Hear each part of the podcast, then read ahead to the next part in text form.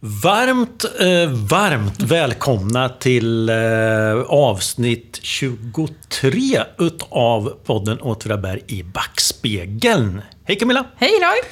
Hur är läget? Tack, det är bra. Ja. Ja. Ehm, idag skulle vi egentligen ha en, eh, ha en livepodd. ja. Eh, tack vare det här corona-eländet så har vi fått skjuta upp den. Mm. Det var ju inte riktigt läge att, att eh, samla en massa människor kanske. Nej. Så vi får sitta här, du och jag, i vår lilla eh, studio här. Vi kan väl säga att den är framflyttad. Ja, men precis. Fram till eh, den 12 första Ja. är ju datumet som gäller nu. Och eh, man, de som har köpt biljetter kan ju tydligen... Man får behålla biljetterna eller så kan man lämna dem igen och få pengarna tillbaka. Mm. Man kan gå till Linds om man är så att man vill ha pengarna tillbaka. Så. Ja, Ja, Eller också behåller man dem man har köpt. Just det. Ja. Eh, vi glömde en sak i förra avsnittet.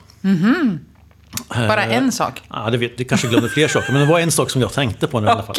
Och det var ju att vi skulle ge ett boktips. Ja. Och eh, då skulle vi ju tipsa om någonting som, som liksom hade med ämnet att göra. Eh, vi pratade ju nämligen om affärer och butiker. Eh, och är man intresserad av sånt, eh, eller byggnadshistoria i Åtvidaberg, så skulle vi varmt kunna rekommendera två skrifter av en grupp som, som åtminstone vi kallar för arkitekturgruppen. Eh, som är knutna till brukskultur men jobbar, har jobbat väldigt självständigt. Nämligen Dennis Dysholm, Peter Johansson, Jonny Nilsson, Allan Petersson och Lars-Göran Jonsson. Och skrifterna heter Byggnader och deras arkitekter. Och Byggnader, butiker, banker och hantverk. Eh, det här har de gjort väldigt bra. Det är en, en väldigt noggrann kartläggning utav byggnader, byggnadsstilar, samhällets fysiska utveckling eh, och olika verksamheter som har funnits. Eh, de finns att låna, de finns att köpa. Och är det någon som är intresserad så, kan, så kanske vi kan förmedla kontakt i så fall. Mm. Och möjligen så har, säljer vi någonting i Åtvidabergs Bruks och Facit museum också. Och det man kan säga är också att de har väldigt mycket bilder i dem på gamla Mm. Ja. hus och, och verksamheter i Ja. Åtvidaberg.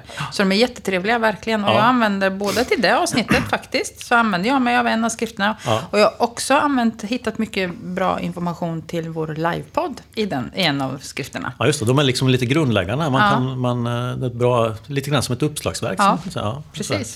så Mm. Så superbra. Men vad ska vi prata om idag Camilla? Ja, jag kan säga så här Roy, att just nu så... Så vet inte du vad vi ska prata om därför att din, din dator... Min, min dator la av. Jag brukar alltid ha en eh, liten eh, energisladd till den då, eller en Ja. strömsladd. Okej. Som jag då inte har med mig idag. Så snart vet jag- Spännande. Det kan bli så att du vet. får improvisera helt och Ja, hållet och vi har här ju nu. precis pratat om att vi inte, eller jag vill ju inte improvisera, så det ska jag heller inte göra. Nej. Så nu är jag uppe, dat- eller nu är- har jag min, eh, mitt, min text Ja, lite här vad bra, om vad vi ska bra. prata om. Och det borde jag faktiskt ha kunnat Ja. klara av att säga ändå. Om jag låter lite så här i halsen så är det bara för att jag satte kaffe till halsen precis innan vi startade inspelningen. Eller min bulle. Ja, din bulle kan det Ja, varit också. Ja. kan det vara. Jo, idag ska vi ju hålla oss till ett område som historiskt sett har varit en del av...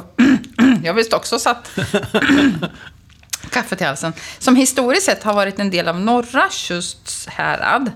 Och som inlemmades i Åtvidabergs kommun 1971. Och samtidigt då så bytte man länstillhörighet från Kalmar län till Östergötland. Mm. Vi pratar om Gärserums socken.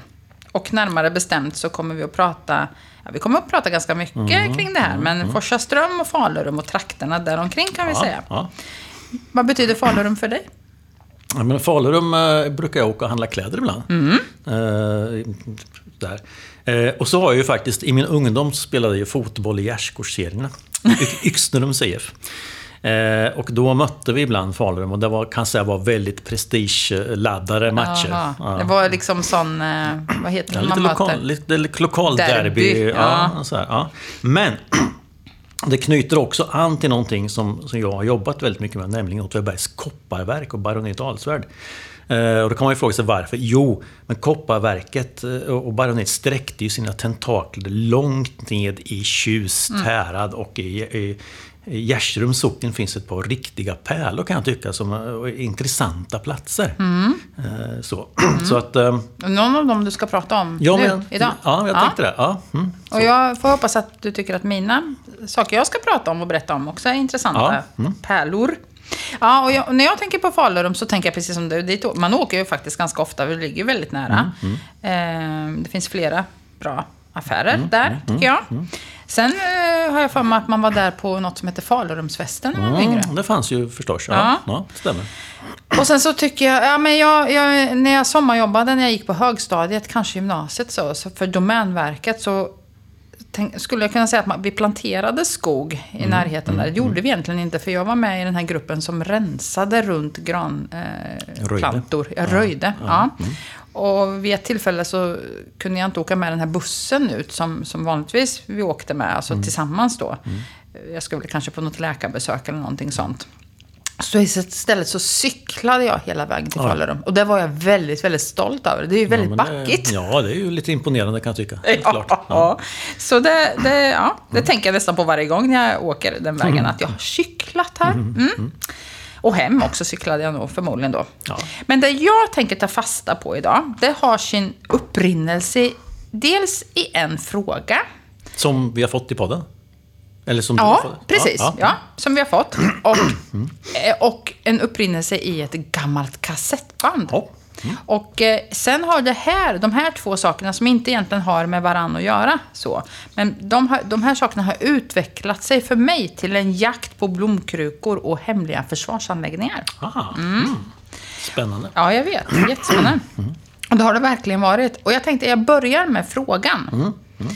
Eh, för det första, tänk att man bara kan åka med en kvart, vad tar det att åka till Falurum? En kvarts bilväg. Bilfärd heter det, från Åtvidaberg. Och så plötsligt befinner man sig i den undersköna Uknadalen. Precis.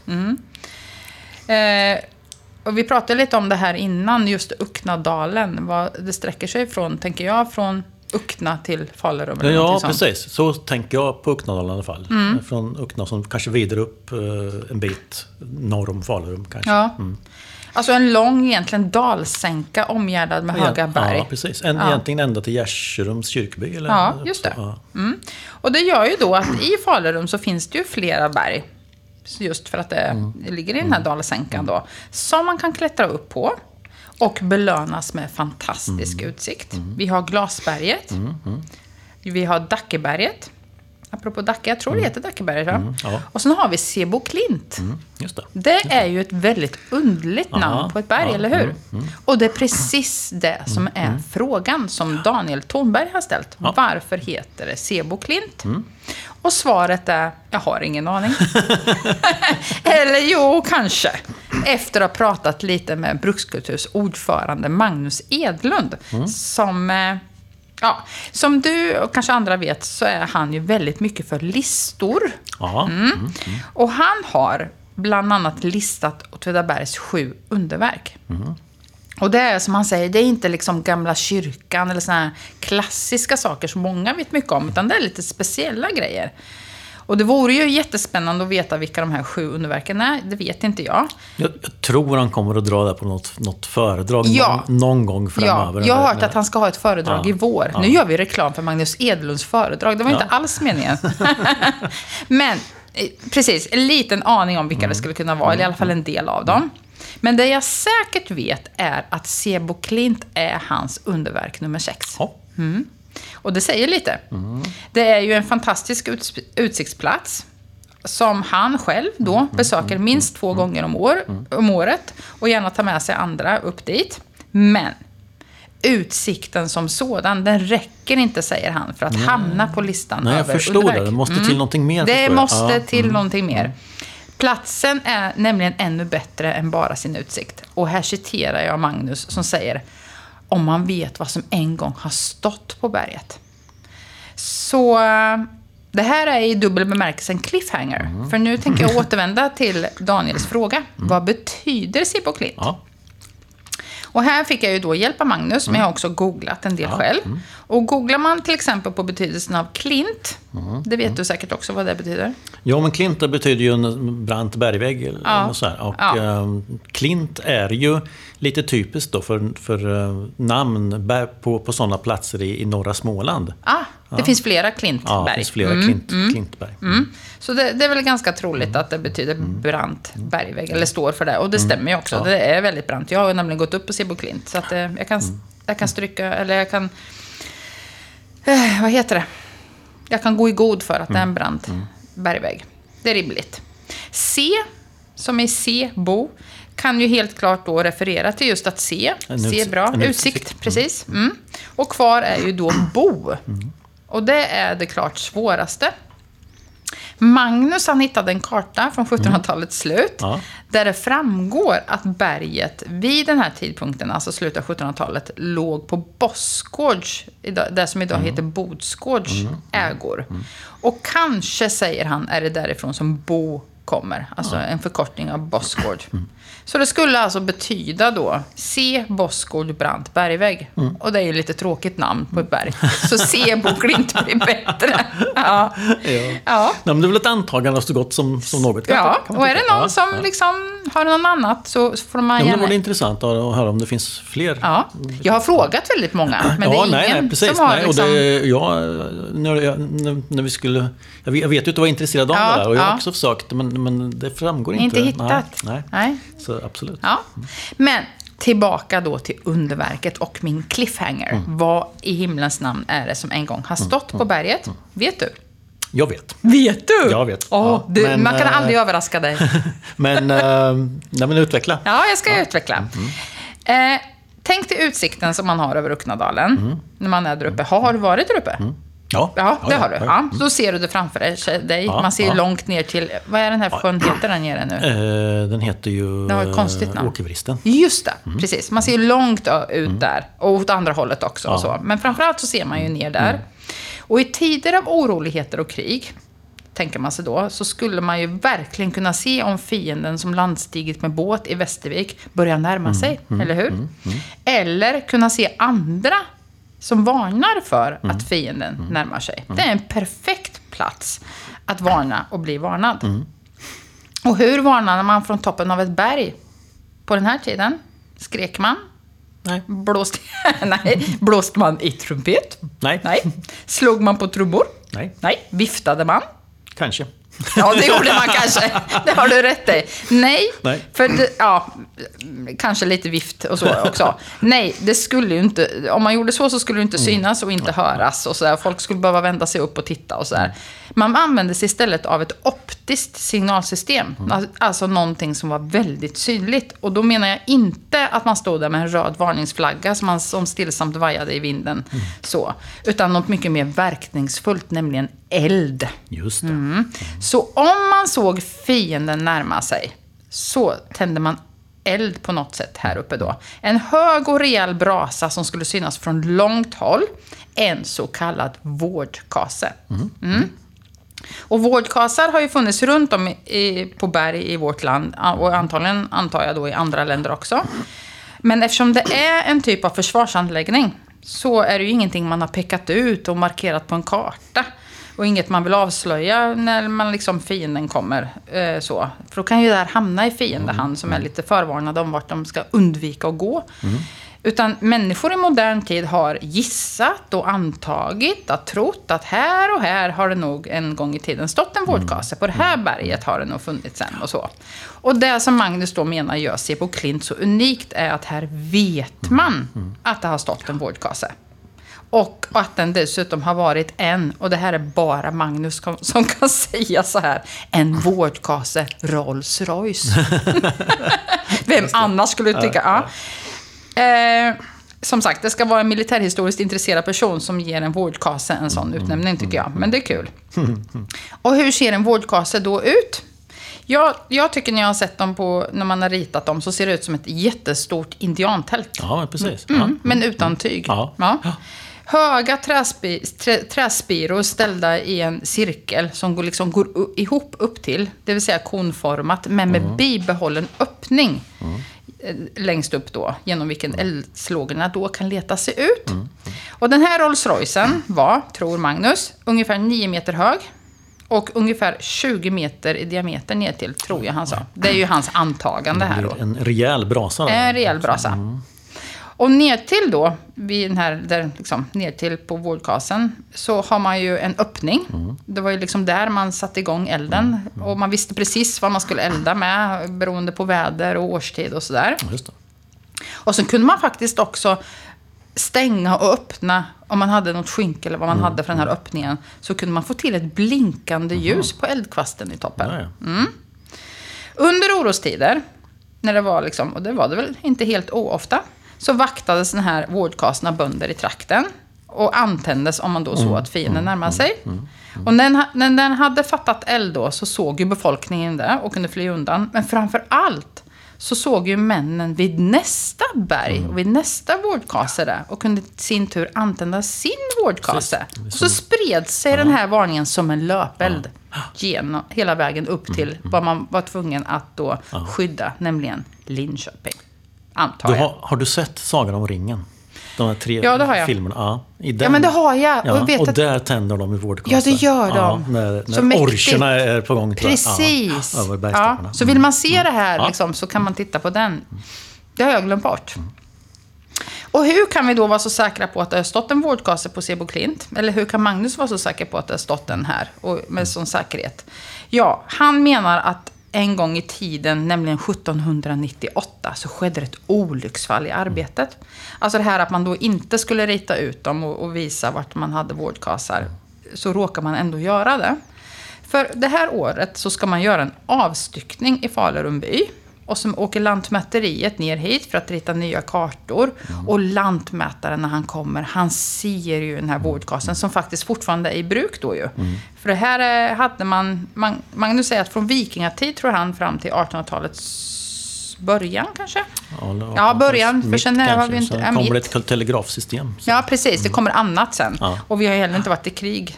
Nej. Så. Eh, så, så har man haft sådana här vårdkasar. Så den här är ju i bruk då 798. Och den står där på höjden och han blir jätteimponerad av den här. Så han ritar ut den, den här försvarshemligheten på sin karta. Och så skriver han dessutom Ja, vårdkase. just det. Mm. Men visste han då, tänker man då, att han inte fick göra det? Nej, förmodligen inte. Eh, för här, han som kommer är en vikarie. Den ordinarie var sjuk eller upptagen, så på kartan så står det att den här är ritad av något namn som jag inte kommer ihåg, genom något annat namn då, alltså vikarien. Han vet helt enkelt inte vad han gör och det kan vi ju tacka honom för då, för annars hade vi Ja, kanske inte visst. vetat. Nej, Nej. Exakt. Eh,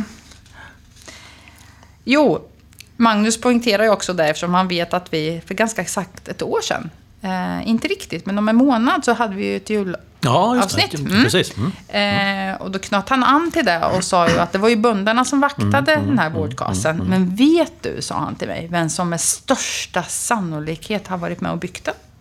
En person som bodde i dess absoluta närhet. Och som vi pratade om som sagt för snart ett år sedan, nämligen Båtsman julafton. Båtsman, den gamle, den gamle båtsman julafton. Han har varit med och byggt ja, den här vårdkasen.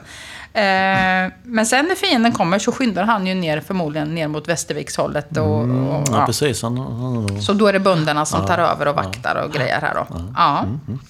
Om vi nu tänker att vi har haft en vårdkase i Åtvidaberg, var tror du att den har stått då? Mm, och där får man ju det får man gissa, för det, det finns liksom ingen vårdkase. Nej, ingen, eh, ingen- Man, vet, man, man vet inte var vårdkasen i Åtvidabergs socken har stått. Nej, man vet ju bara vart vårdkasen har stått den på Sibbo Ja, precis. Eh, Jag läste en eh, fritidsforskare som då har kartlagt vårdkasar i Östergötland. Okej. Och han har prickat ut en del, inte den här i Klint, för den ligger ju då i Ja, men Kalmar precis. län, ja. Den låg ju där då, ja. Eh, Men Mm. han har prickat ut ett antal, men, men så har han också gjort ett antal antaganden. Sådär. Jaha. Eh, Men det är också svårt på den här kartan att veta exakt vad, vad för höjd han menar. Man kan tänka sig Hallaholm. Jaha.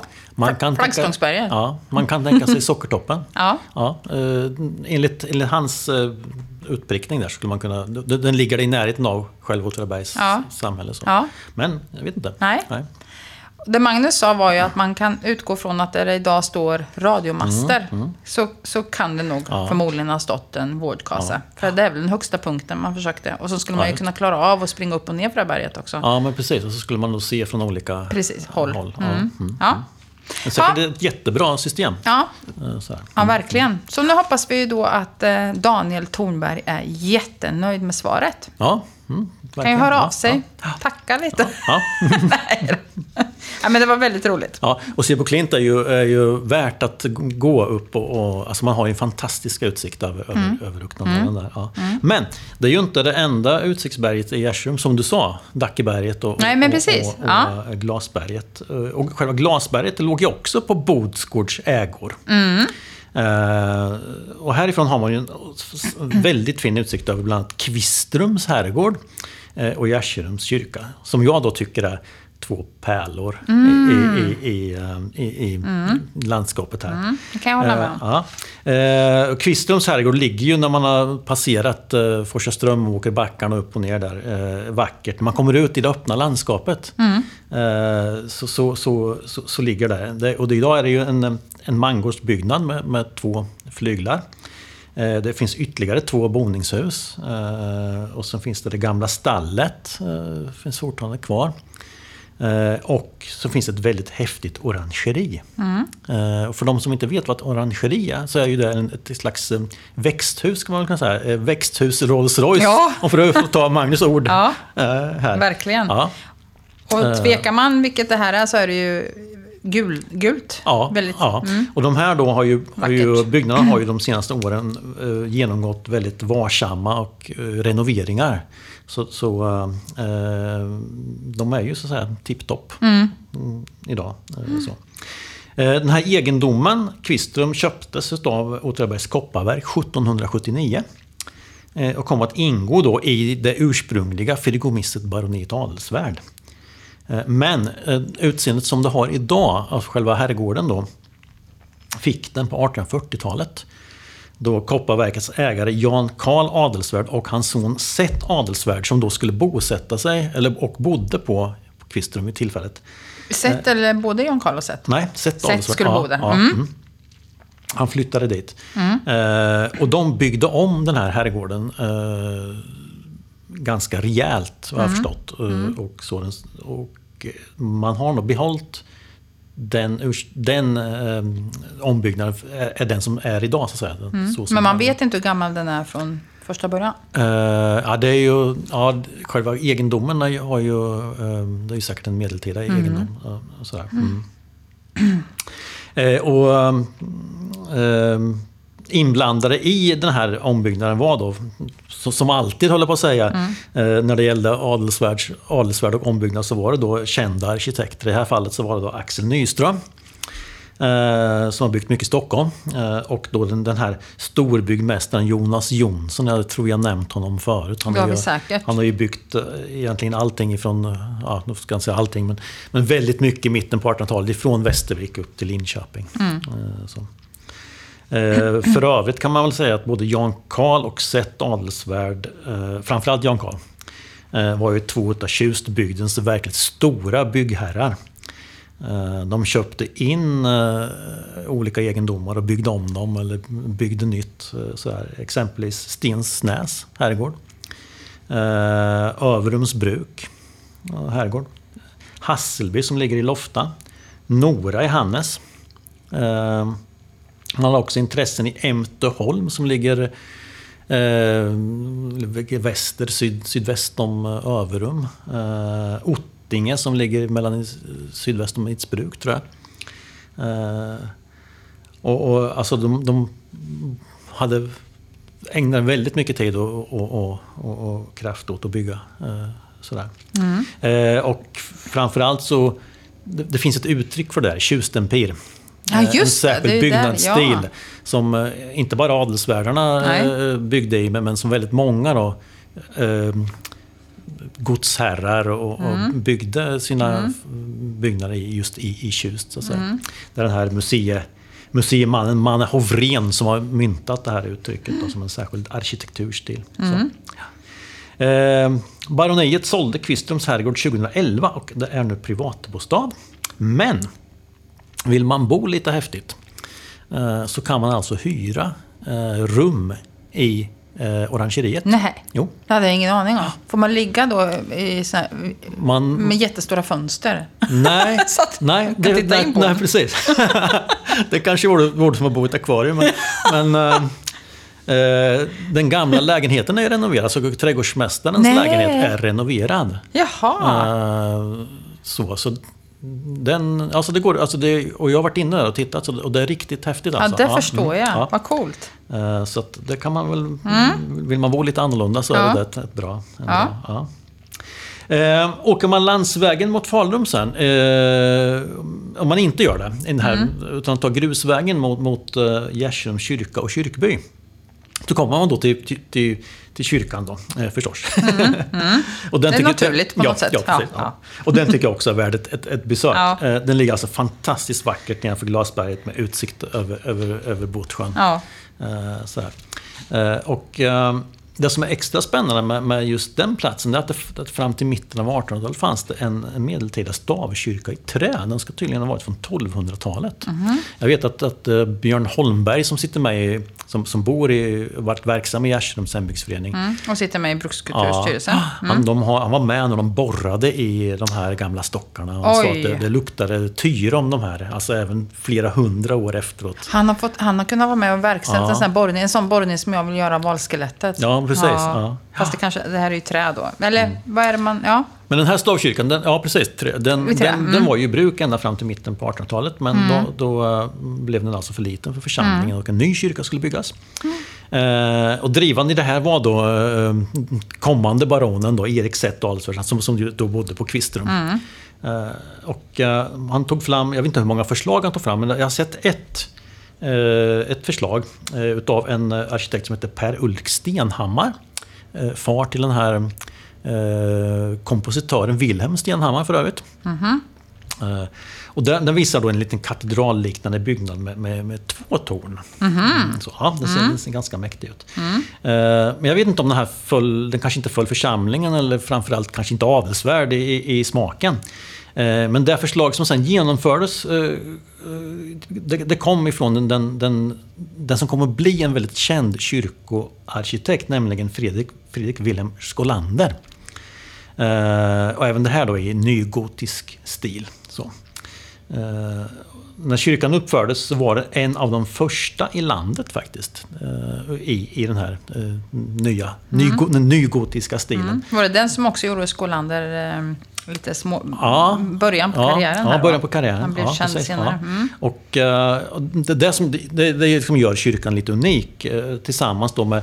Det är små, alltså utvändigt så finns det små torn eh, som du kanske har tänkt på. Ja, ja. ja. 20 stycken små, små torn eh, som, som sticker upp som i, i fa- i fasaden. Ja, men precis. Ja, mm, Ja. Eh, kyrkosalen är treskeppig med rymliga läktare. Eh, så den ser ju lite annorlunda ut än, än, än många kyrkor. Mm. Och just de där läktarna är lite spännande. Därför att Skolander fick sen Eh, han fick Erik Seth Adelsvärds eh, uppdrag när han sen har blivit fideikommissarie och, tog, och blivit ägare till Åtvidabergs kopparverk. Så fick Skolander alltså eh, uppdraget att rita ny sockenkyrka även för Åtvidaberg. Och där har han ju verkligen gått loss. Mm. Eh, så, där är ju liksom det ena kat- katedralliknande kyrkobygget efter det andra. Mm. Eh, med plats för eh, det största förslaget eh, ska ge, ge plats åt åtminstone 2000 personer. Ja. Och där har han just de här läktarna som, som går invändigt som Mm. gör att man kan liksom få in en, ännu mer eh, människor i kyrkan. Så. Men i Gärsums kyrka så har man faktiskt bevarat en del av de medeltida eh, föremålen. Eh, så. Eh, där finns bland annat ett vackert triumfkrucifix som härstammar från 1300-talet. Som, och sannolikt är tillverkat av samma bildhuggare som gjort krucifixet i Linköpings domkyrka. Så pass. Mm, ja. Eh, Och det finns en, lite andra föremål vad jag förstått. Så, och, och, eh, kyrkan är vägkyrka på sommaren. Eh, har varit i alla fall. Eh, Så då kan man ju, alltså det, är vä- det är värt att sticka av landsvägen och åka in och, och, och eh, göra ett besök där. Ja. Och som du säger också, det är ju så fantastisk utsikt över sjön där. Ja. Och sen ligger ju, visst är det väl fatt, det gamla fattighuset som ligger precis... Den gamla fattigstugan ligger Fattigstugan, ja, framför. mm. Och den finns ju också med på de här kartorna som vi pratar om. Eh, Samma karta som vårdkasen finns med på finns också kyrkan, ut- den gamla stavkyrkan finns utritad.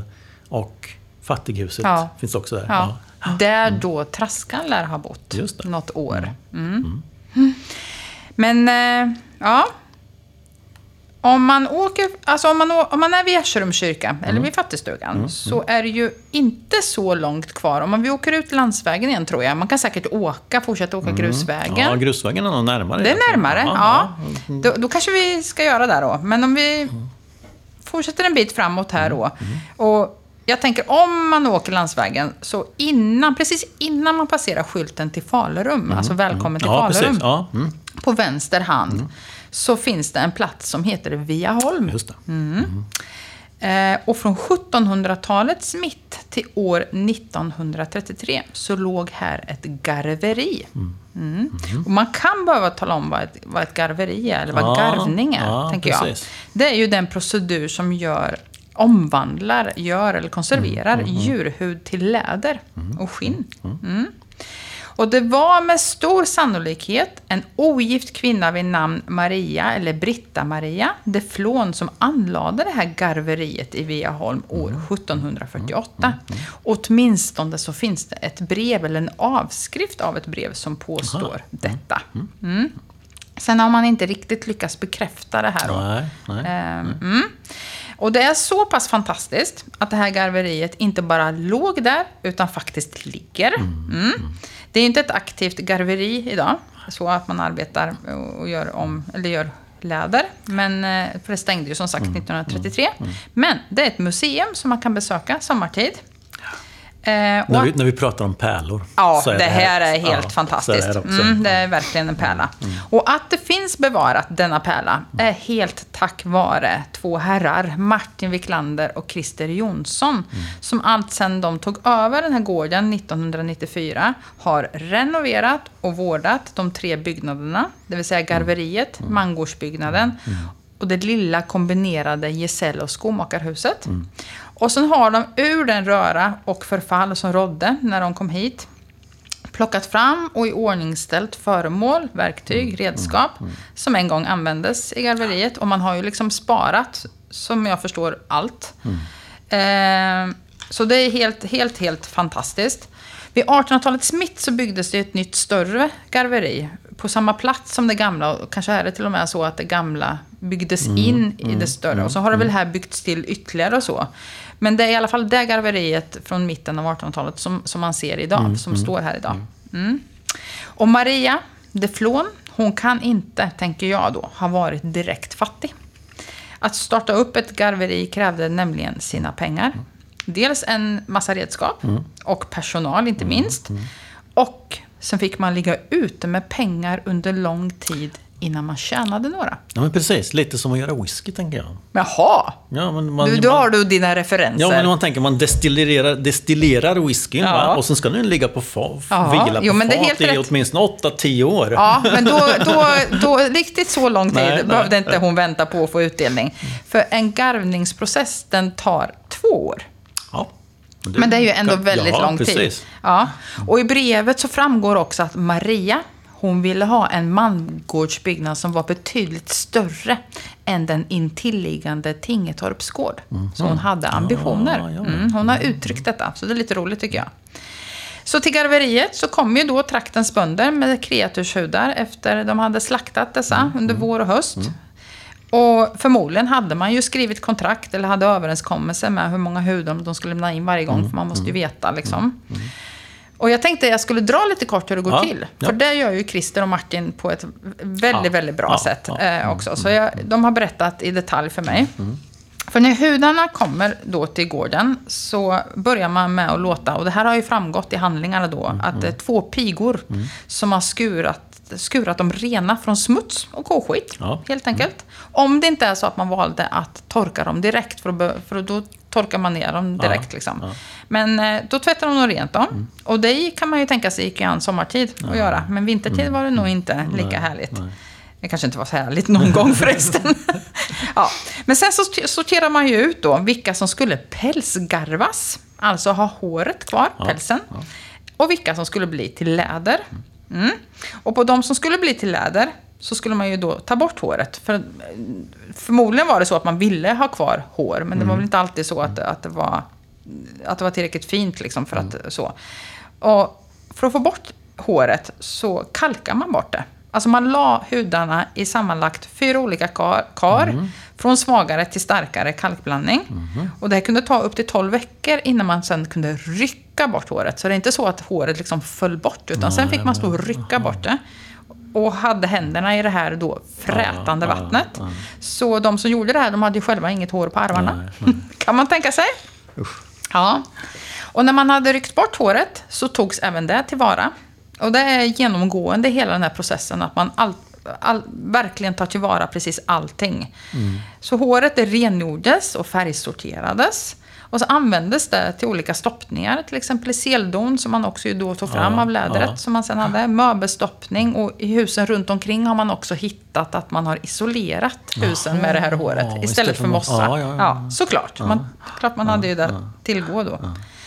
När man har fått bort håret, så det som finns kvar på hudarna nu är ju bindväv och fett. Det skars bort med skarp kniv. Och sen tog man, precis som med håret, tillvara på fettet och använde det till smörjmedel och lädersmörja.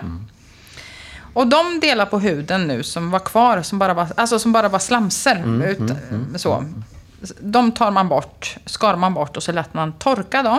Och hud som torkar, det blir lika hårt som glas. Så det här stötte man sen sönder och blötte upp med vatten, så fick man lim. Ja. Så nu har man då en hud som man liksom är nöjd med. Man har skurit bort de här delarna och fått bort fett och hår och sådär. Ja. Och då är det dags att pyra huden. Och då pratar vi liksom om eh, en, två månader efter att de hade fått in dem kanske. Då. Ja, det kan det ju vara. Eller- Och då har vi inte ens börjat med Eller ännu garvningsprocessen. mer till och med, 12 veckor. Ja, ju- 12 veckor kunde ta upp Ja, till den ja. tiden. Ja, precis. Så att, och då har vi inte börjat med den här två, Nej, veck- två nej. årens garvningsprocessen. Nej, utan nej. vi förbereder ju Ja, fortfarande huden. Och nu ska man förbereda den genom att pyra den. Mm. Och det i sig tog också två veckor. Mm. Eh, och då la man helt enkelt ner hudarna, flera stycken, försiktigt på varandra för det fick inte bli väck, i stora kar. Och på det här så hälldes det sen en uppvärmd blandning av hönsskit och vatten. Ja. Mm. Och det här var man sen tvungen att röra om i hela tiden, 24 timmar om dygnet i två veckor. Och förstod det still med det här, för det, liksom, där man, det är ju ett sätt att raffinera fram ammoniak. Ja, och ammoniaken börjar ju fräta. Så står det still så börjar man, då fräter det sönder hudarna. Så två man rörde hela tiden. Så byter man ju om naturligtvis då. Och två man eldade och hinkade på 20-gradig hönsskitblandning hela tiden. För den var tvungen att vara 20-gradig. ja, men alltså vattnet var 20 grader. Ja, vatten och hönsskiten ja, i det. ja, du kan ju det. tänka dig att det luktar lite här. Ja. Ja. Verkligen. För ammoniaken då, den gör så att porerna i huden öppnar sig och gör dem mottagliga för själva garvblandningen sen. Som sagt, tänk dig stanken. Ja. Och under de här två veckorna som man höll på med det här så var faktiskt kyrkplikten, eh, de gick väl i Gärsrums kyrka då. Ja, så de behövde inte gå i kyrkan. Kyrkplikten var upphävd. Inte förmodligen för att de Inte för deras skull, utan Nej, för nej. resten av församlingen. Nej, du tänker att de stank? Nej, det skulle man kunna tro. Och det kan ju ha varit en kombination. Nej, förmodligen så var det så att de fick kyrkplikt, eller upphävd kyrkplikt, för att det var viktigt att det gick bra för garvaren. För att kyrkan fick ju in tionde. Mm, Och det här var ju en ansenlig del av inkomsten eftersom eh, det gick Ja, bra jag för dem. tänker att de, det var ju ett slags skiftarbete, så de kunde ju inte gå ifrån det. där. Nej, de kunde ju, nej, men precis, det kunde de ju inte. Så, men det låg också i hans intresse att det gick väldigt bra för garvaren. Och sen så var det väl en bonus att de slapp att få hit dem när de luktade så ja, illa. Mm. Så efter det här så börjar då själva garvningsprocessen.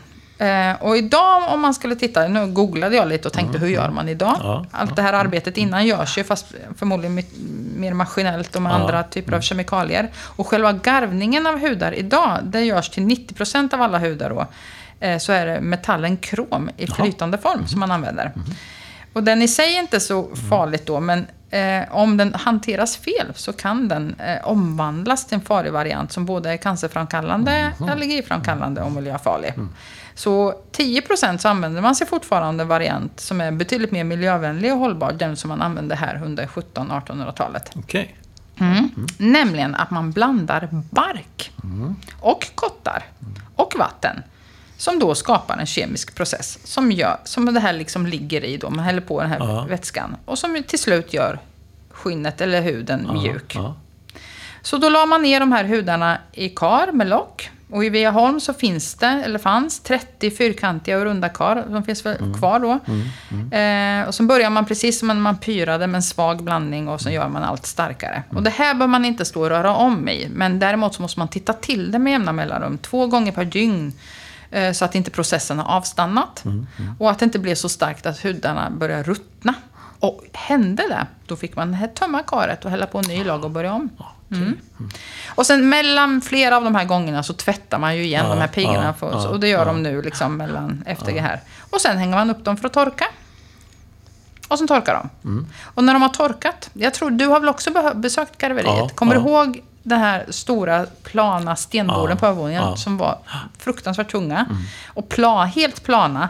För att här skulle de ju sen hantera de här som hade torkat. Och bland annat så ska ju de, i brist på bättre ord, så säga att de skulle ju filea dem. Mm. Ja, precis, då kan man ju få en... Ja. Man får bilden, Ja, visst. För att de var ju oftast ganska tjocka. Och så skulle man ju då få ut flera tunnare eh, skinn. Eh, tänk dig då om man skar fel efter de här två åren. Det kan ju inte mäster, garver, garvmästaren, garverimästaren, vad heter det? Gar, Mäster då har blivit så glad åt. Och så har man på massor av fett. Eh, och av de, ja, av de stora hudarna så gjorde man till exempel remmar, men man gör ju också liksom, använder ju här till kläder och skor och seldon och alltihopa då. Mm. Så man sålde en del av det, och, men en hel del förädlade man också själva på Viaholms gård. För man hade både skomakare och sömmare, men även sadelmakare och smeder och så anställda här. Eh, och man hade till och med en läderaffär i tillbyggnaden på mangårdsbyggnaden då, där man sålde läder och skinn. Och det gjorde man faktiskt under längre tid. Så även när man hade stängt det här eh, 1933 så fortsatte man att vara vidareförsäljare av läder okej, ja, mm. och skinn i den här butiken då. Så det var kanske inte så konstigt och inte är så konstigt att ett par skor var dyra. Nej, man får en helt annan eh, respekt för läder på Ja. något sätt. När man, Både lång tid och ett otroligt hantverk då. Under 1800-talet så kostade de egentligen oberoende om det var vuxen eller barnskor. En, säger Christer och Martin då, en månadslön för en vanlig arbetare kostade ett par skor. Och hände, till, som de sa, att folk plockade med sig kottar till den här garvningsprocessen för att kunna betala av sina skor. Så de var ute och plockade kottar. ja. Och en sele, alltså här tillverkar man ju sele, allt från läder till också liksom ett, ehm, ja, smeden gjorde, de gjorde liksom selar till djur helt klara här.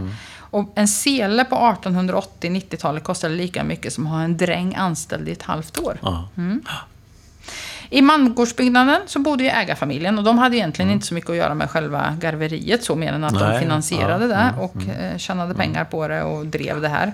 I gesällstugan som jag sa så bodde den anställde gesäller med familj och två skomakare. På garveriets övervåning så bodde arbetarna och även mäster med familj och han hade ju då eget rum. ja, precis. Det ligger på... Ja. Ja, och det har man ju också i ordning ställt så att man kan titta på det här rummet då.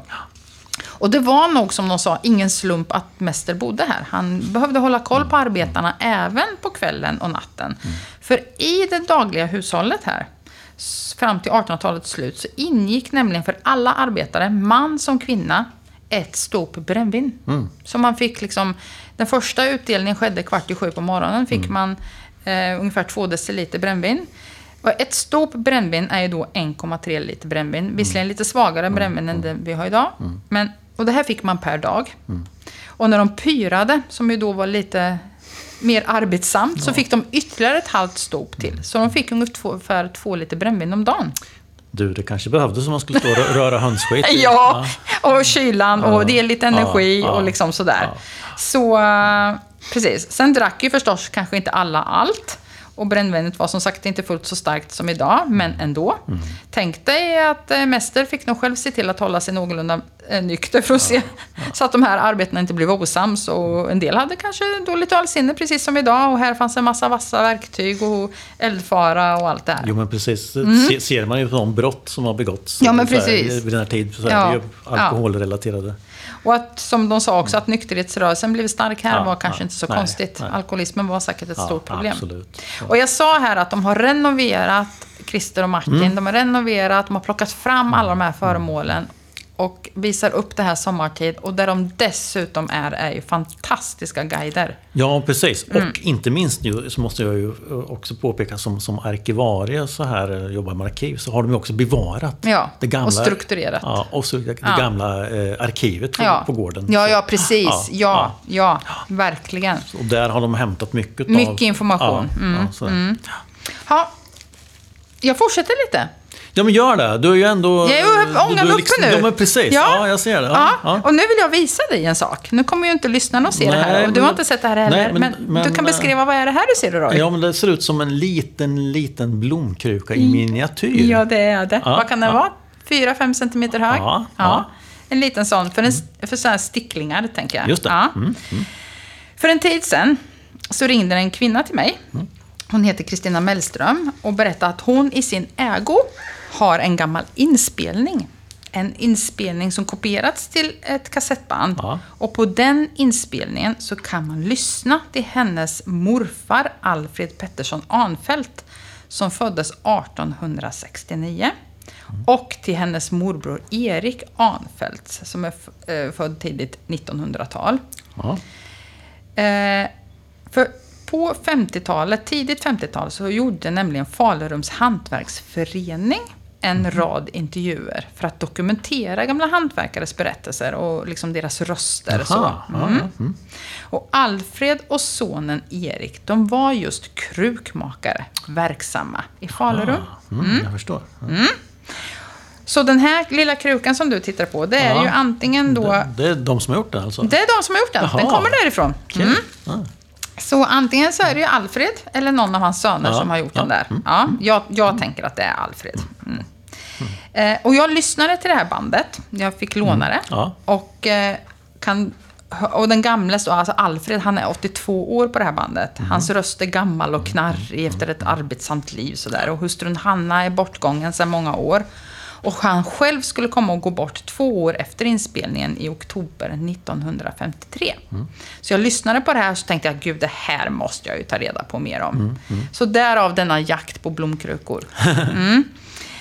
Eh, och jag pratade ju med, med personer, som jag alltid gör, och jag fick veta att krukmakeriet försvann på 60-talet. Och att verkstaden, alltså det här gamla verkstaden med gamla, alla gamla krukor och gipsformar och allt, bara lämnades. Och att man sen jämnade huset med marken.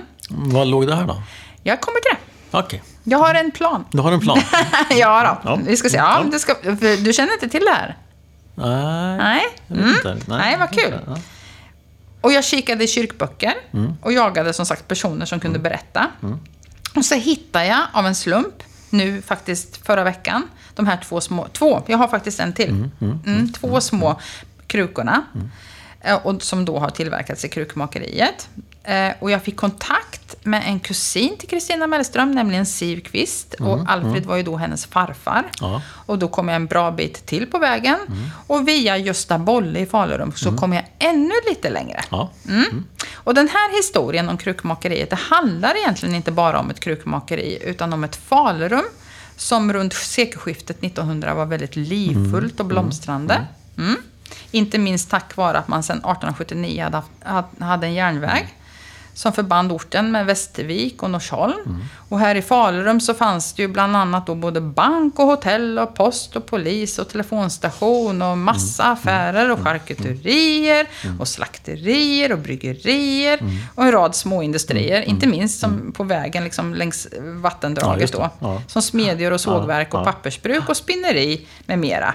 Och som krukmakeriet. Och granne till krukmakeriet, tegelbruk. Just det. Det känner du kanske Ja. till? Mm. Och de här båda två verksamheterna, alltså tegelbruket och krukmakeriet, de låg i ett kvarter som heter Augustenburg. Just det. Mm, jag, säger, jag hoppas jag uttalar det rätt. Mm. Om, om man då skulle åka dit idag så åker man alltså under järnvägsbron och sen tar man ju direkt vänster upp och mitt emot infarten till det som heter Marinettes. På gärdet där till höger så Just låg det här. Ja.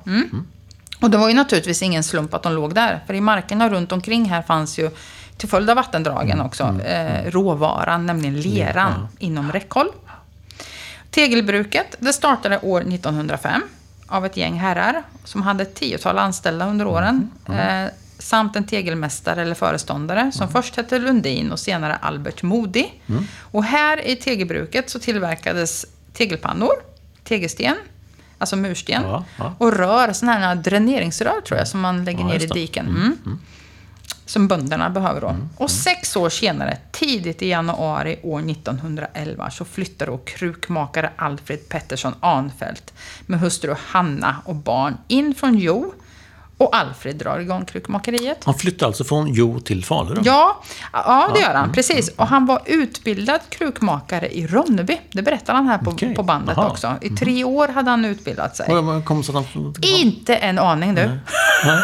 Då förstår jag. Ja. Ja, som jag har velat veta Ja, detta. Och det ja. ställer man... Det är ju sådär när man lyssnar på en inspelning från 50-talet också. Det här, man slås ju av att det, man... Jag satt ju liksom, men fråga honom det här, Mm, fråga honom det här. Och ibland så har de inte ställt frågor för att vissa saker var ju för dem som Ja, intervjuade ja, självklart. ja, Eh, och i andra fall så, så var väl inte de intresserade av samma saker som, som jag, Nej, som jag nej, är precis. då. Men det är klart att jag undrar varför de kom just till Falurum. Mm.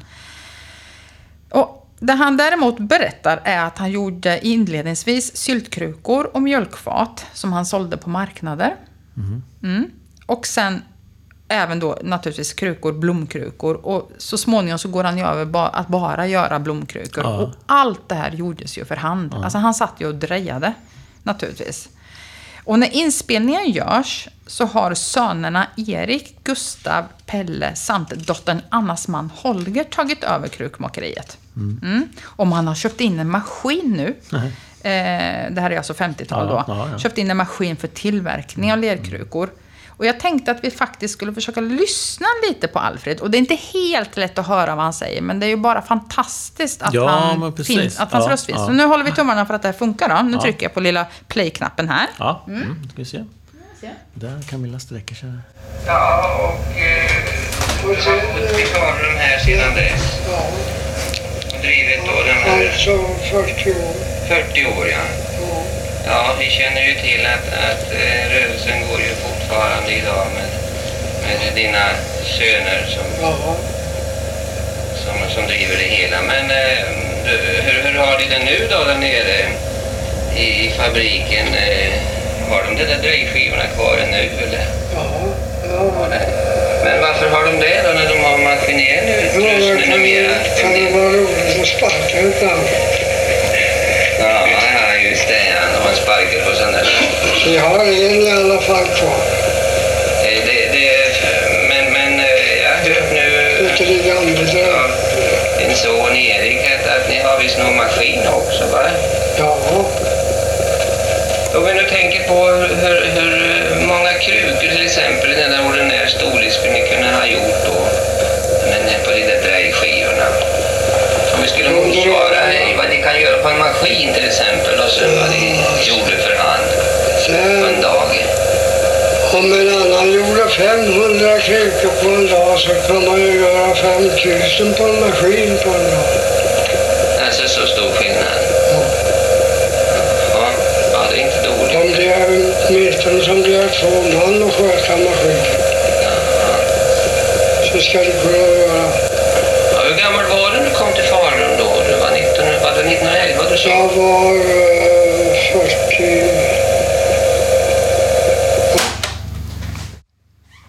40 år var han ändå. Ja, han var 40 Ja, år. ja, ja. Nu vet inte jag, jag tänkte ju inte på att skruva upp ljudet från början. Så det kanske är så att, tekniken vet du. Det kanske är så att eh, våra lyssnare inte hörde inledningsvis. Men jag hoppas att det framgick lite. Och som sagt, det är ju väldigt svårt att höra vad han säger. Jag har ju lyssnat på det här flera gånger. Eh, men han säger då att eh, om han kunde göra 500 krukor per dag när han höll på, det är ju jättemycket. Ja, när han satt där och drejade Ja, ensam. ja, Han kunde göra 500 krukor per dag. Så säger han nu att det skulle man ju, nu med två man med maskinen så skulle de ju alltid klara av att göra 5000 Mm, krukor per dag, tycker han. De kunde faktiskt klara av, berättar Erik senare i bandet, göra 6000 Oj. krukor. Men de kunde inte lagerhålla alla de här krukorna, Nej, så de gjorde ungefär 3000 om dagen. Ja. Eh, och på frågan om det fortfarande drejas i verkstaden, alltså om man Mm, gör saker för hand också, så vet jag inte om du hörde, men då svarar han ju ja, för det är ju roligt att sparka Ja, lite sparka lite ibland också.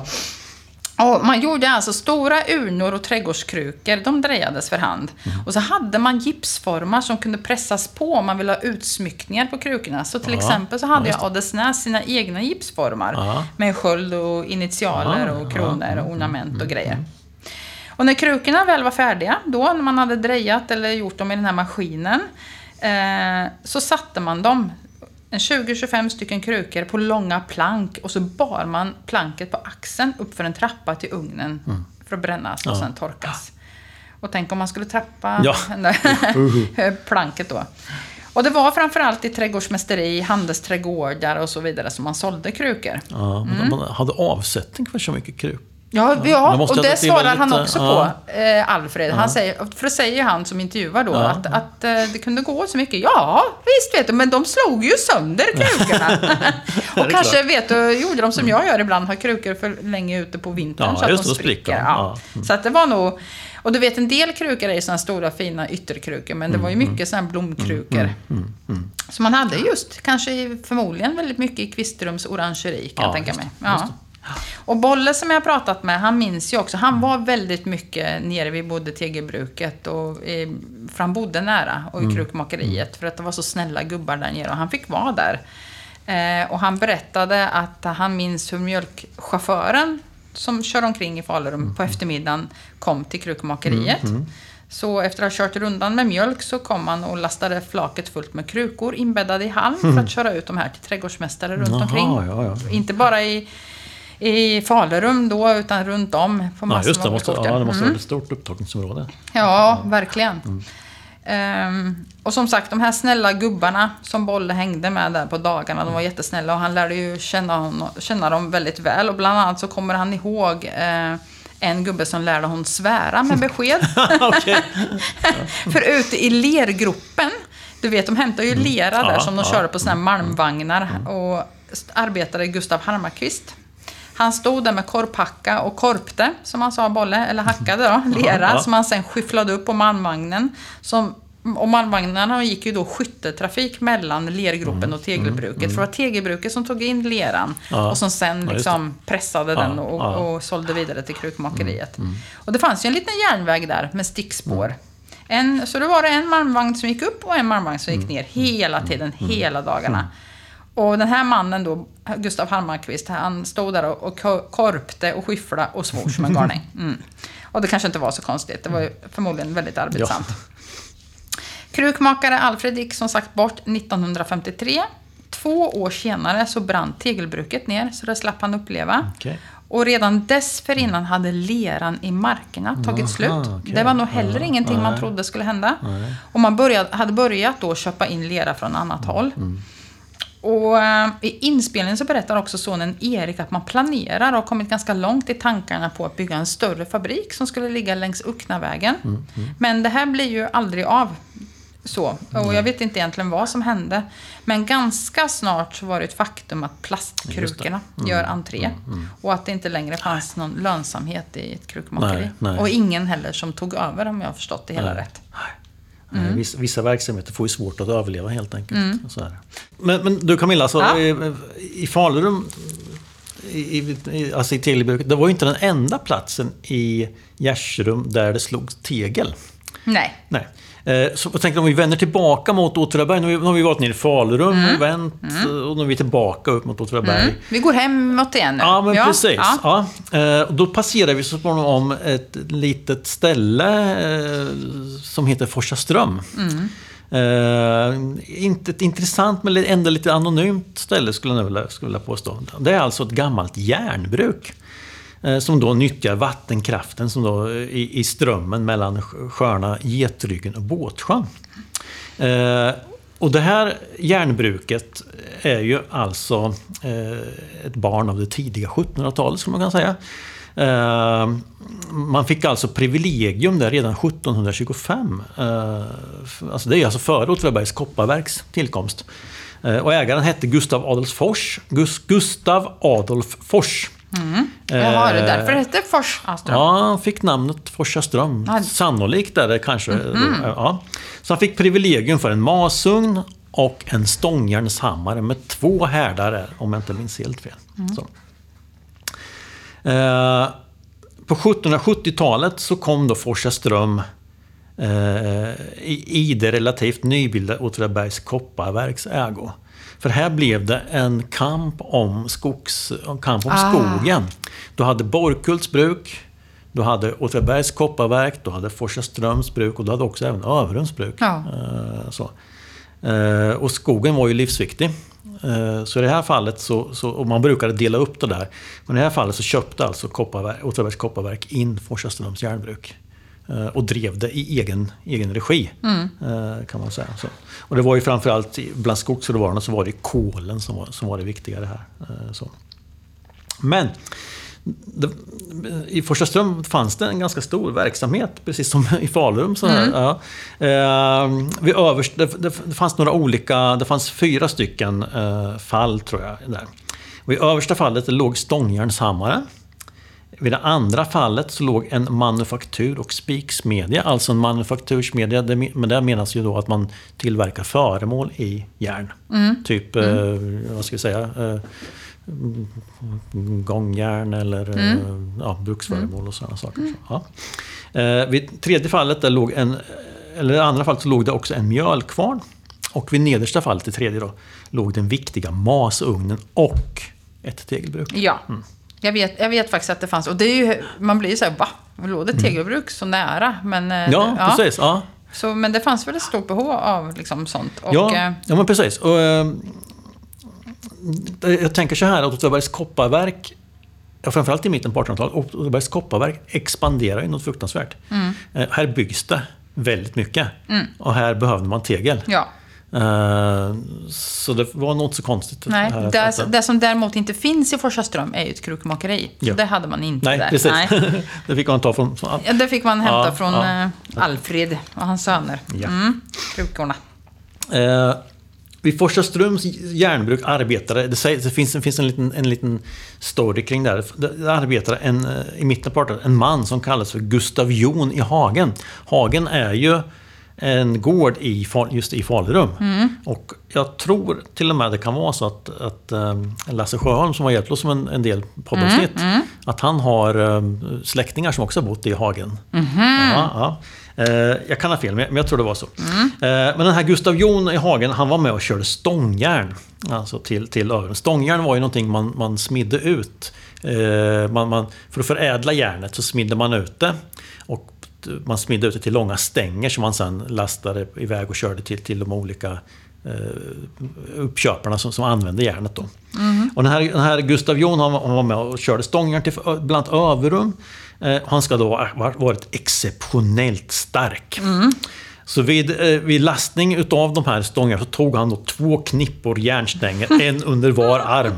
Och de här vägde då ungefär, sägs det då, Nej, men, 165 kilo styck per knippe. Alltså så, så bar den här mannen där ungefär 330 kilo stångjärn då, vid varje lastning. Då. Ja. Ja, nu skrattar jag lite här för att uh, jag Roy verkligen blåser upp hela bröstet och står här med stå, st- stångjärn under var, vardera Ja. armen. Mm. Ehm, Men käre någon. Ja. Det kunde han inte lyfta, tror inte jag. jag vet inte. Nej. Nej, det, känns, det känns som... som Men ja. tänk, de här storiesna finns ju alltid om de här starka ja, som orkar... eh, Ja, precis. Ja, då, det, tillhör ju och den, och- det tillhör ju på något sätt brukskulturen. Att, att, att de, de, och det var ju eh, deras, deras största, likadant är det Åtvidaberg, människors största talang var ju att kunna jobba hårt och envist, så att säga. Eh, man, ja, det var ju Mm. Det vittnar ju en- hela det här avsnittet om. Ja, men precis. Bygga vårdkasar och stå där med hönsskit Ja, ja, och lyfta stångjärn och ja. Eh, Kopparverket drev alltså järnframställning här eh, fram till 1880-talet. Eh, man nyttjade det här som ett komplement kan man säga. Där man inte, I Åtvidaberg gjorde man ju bara kopp, man tillverkade bara koppar i princip. Och skulle man ha någon, någonting tillverkat i järn så, gjorde man det i Forsaströms järnbruk helt enkelt. Ja. Eh, men efter det så, så eh, la man ner järnbruket. Sådär. Men det tar inte slut där. Eh, och det är egentligen nu det blir riktigt intressant kan man tycka. Eh, men för att fortsätta historien så måste jag förflytta mig geografiskt. Eh, närmare bestämt 16 kilometer nordväst till Beers på Gruvfält. Och då frågar sig vän av ordning, vad har Bersbo gruvfält att göra med Vad har? Bersbo gruvfält att göra med Forsaström? Ja, men där kan För vi jag är ju din vän av ja, ordning. Mm. precis. Och där kan vi la- det ska jag förklara för dig. Tack. Eh, I Bersbo gruvfält, där bröt man i kopparmalm. Eh, Det var ju Åtvidabergs kopparverks eh, stora och viktiga gruvfält. Och där hade man brutit kopparmalm ända sedan mitten på 1700-talet. Ehm, och i, i, från 1800-talets mitt så, så, så började det gå knackigt uh, här. Uh, och vid sekelskiftet 1900 så var det bara en utav flera gruvor i gruvfältet som var igång. Ehm, och man... Eh, för att göra en sist, ett sista försök, man trodde man skulle kunna hitta väldigt mycket mera kopparmalm. Och för att kunna göra det så, så gjordes en kraftig omstrukturering av gruvverksamheten. Eh, och för att kunna liksom realisera de här planerna så blev det nödvändigt med nya metoder och ett nytt modernt arbetssätt. Så under hösten år 1900 så började man arbeta med, ett, med att sänka ett nytt centralschakt så, som kom att namnges till Adelsvärdsschakt. Eh, eh, och som många andra bruks och industrisamhällen så var Åtvidaberg väldigt tidigt ute med att ta till sig modern teknik. Behöver man förklara vad ett schakt är? ett schakt, ja men det kan man, man göra. Ett schakt är alltså en lodrätt sänkning ner eh, i, i berget. Ehm, Sänkning av vad då? Alltså nej, Ja, just det, bara- själva man, sänkningen ja, man, man ja. liksom eh, Mm, tar man sig går ner, rakt ja. Mm. ner. Ja, ett, och ett schakt drevs egentligen för att man ska få upp och ner saker och ting och för att man ska få bättre luft i gruvorna. Så I en gruva så följer man ju malmens väg ner i berget så att säga. Och det, Mm. det, kan, ju, det kan ju luta. Eh, Men ett schakt går all, alltid rätt, Rakt ner. Ja. Mm. Så. Eh, Men här skulle, man då, här skulle man då göra med den modernaste tekniken. Då. Eh, Och nu ställdes det ett stort hopp till det vita kolet.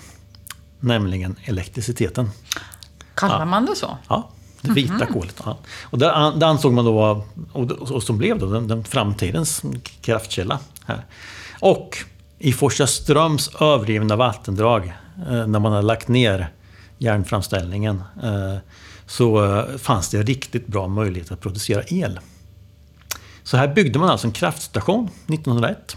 Just enkom, inte enkom, men framför allt för att förse Beers på gruvfält med elektrisk ström. Nu låg ju Bersbo gruvfält 16 kilometer bort ifrån Forsaström. Och det fanns alltså inget bättre ing- ingen bättre vatt, vatten, vattenfall än just, Nej. just där. Men hur får, fick man väg i den här strömmen då? Eller Man- kraften ja, man man ledde den som man gör idag med, eh, genom med ledningar. Ja. Ja. Så, i Bersbo skulle man då eh, nyttja vatten, eller elektrisk ström för, till hissarna. Eh, till pumpar som pumpade vatten i gruvorna. Man skulle då eh, ha elektrisk belysning som skapade drägliga arbetsförhållanden för gruvarbetarna. Eh, man skulle ha en elektrisk ström till kompressorer som drev de nya moderna mekaniska borrmaskinerna som man slapp borra för hand. Eh, och tändning av sprängkapslar skulle ske med hjälp av elektricitet. Eh, men den här kapaciteten då, som man, elen som man producerade i Forsaström kunde också räcka till viss del i industrin och i, här inne i Åtvidabergs samhälle också. Och det här var revolutionerande förstås. Och Theodor Adelsvärd heter baronen som drev detta. Ja, precis. förstås. Ja. Och det är han som så att säga, moderniserar Ja. Åtvidaberg vid den här tidpunkten. eh, Och där ingår ju även då gruv, gruvdriften så att säga. Ja. Men efter ett par års försök så lades både gruvbrytning och kopparframställning ned. Men kraft, kraftproduktionen bestod. Det blev ju så en verksamhet i sig. Eh, Och bolaget då som, som bildades eh, i det här eh, kom att heta Forsaströms Kraftaktiebolag och som hade då distribuerade elkraft i- östra Östergötland och norra Småland. Det kommer att bli ett, ett riktigt stort elkraftsbolag. Så vill man göra en teknikhistorisk utflykt tycker jag man ska åka till Forsaström och titta på den första kraftstationen som, som byggdes här i trakten. Eh, Den finns fortfarande kvar och den är fortfarande i bruk ska jag säga. också. Och dessutom väldigt vacker. Ja, tycker jag. Ja. Eller så åker man till Bersbo eh, för att titta på den adelsvärska laven där man då nyttjar den här elektriska kraften. Eh, Den har ju mm, blivit renoverad nu. en ny- Så. Eller så åker man till båda för att få helheten, eh, så att säga. Men tegelbruket då? Jo, Eh, här fanns alltså redan ett tegelslageri på 1700-talet. Och det kom ju med i köpet utav, utav Forsaströms eh, eh, järnbruk. Eller man köpt, Kopparverket köpte upp det så småningom. Så. Eh, och produktionen blev som jag sa riktigt stor på, mitten, mitten på 1800-talet. Där. Och tegelbruket överlevde faktiskt järnbruket eh, och fanns kvar fram till 1965 eh, då det lades ner. Men här fanns inte bara tegelbruk och ett järnbruk. Här fanns också en såg som drevs fram till 1948. Eh, här fanns en ångkraftstation. Och här fanns också en mjölkvarn Mm. som, som drevs fram till 1954. Och den själva kvarnen finns kvar idag. Ja, och man driver väl den fortfarande? Ja, men den kör eh, Gärströms hembygdsförening, eller Ja. har gjort i alla fall, en Ja, gång om året ja. och mal mjöl i Ja, den gamla vatten, ja. vattendrivna eh, kvarnen. De har ju haft så. en sån dag på sommaren. Man kan komma dit och äta bullar så också. Ja, som de har bakat av mjölet. De, det är helt fascinerande. Men du, vilka utflyktsmål. Allt från. Sebo Klint och så slutar vi nu i Forsaström. Ja. Så, Häftigt. ja, precis. Jag vet inte om hösten kanske inte är den bästa av tiden, men eh, i vår, Mm. när det liksom blir varmt och skönt, då, då är det här en fantastisk eh. Utflykt, fantastiska utflyktsmål att göra. Ja, verkligen. Ja, ja. Ja, jag är helt eh, tagen av denna, Ja. denna utflykt Ja, som men- vi har gjort. Fast Ja, vi har suttit ja. still. Ja, precis. Du, jag gjorde en, eh, jag har gjort en, eh, jag ska säga en kulturarvsspaning i veckan. Jaha. Ja. Mm. En Eh, vad- kulturarvsspaning, nu spännande. Ja, vänta. Vad tycker du om gaveln, den här gaveln på mässen som Ah. mera är ett stort konstverk Ja. i, i det här projektet Artscape? Ja. Jag, Jag, jag, jag, själv fick nämligen frågan här i, i vad veckan. du tyckte om den. Ja, och jag kan säga att jag är lite ambivalent i det hela. Ja. Eh, jag tycker det är... Jag tycker det är en jättehäftig målning. Mm. Eh, den, de, det är häftigare när den är så pass stor. Mm. Eh, och jag tycker om när det är starka färger Mm. som, som det är på den där. eh, Sådär. Eh, s- och den syns på långt håll, det tycker jag också kan vara häftigt. Men jag är lite så här... Ja, men det är ju... Var det rätt byggnad där tänkte jag? För det är ju en väldigt vacker, modernistisk, typisk modernistisk byggnad.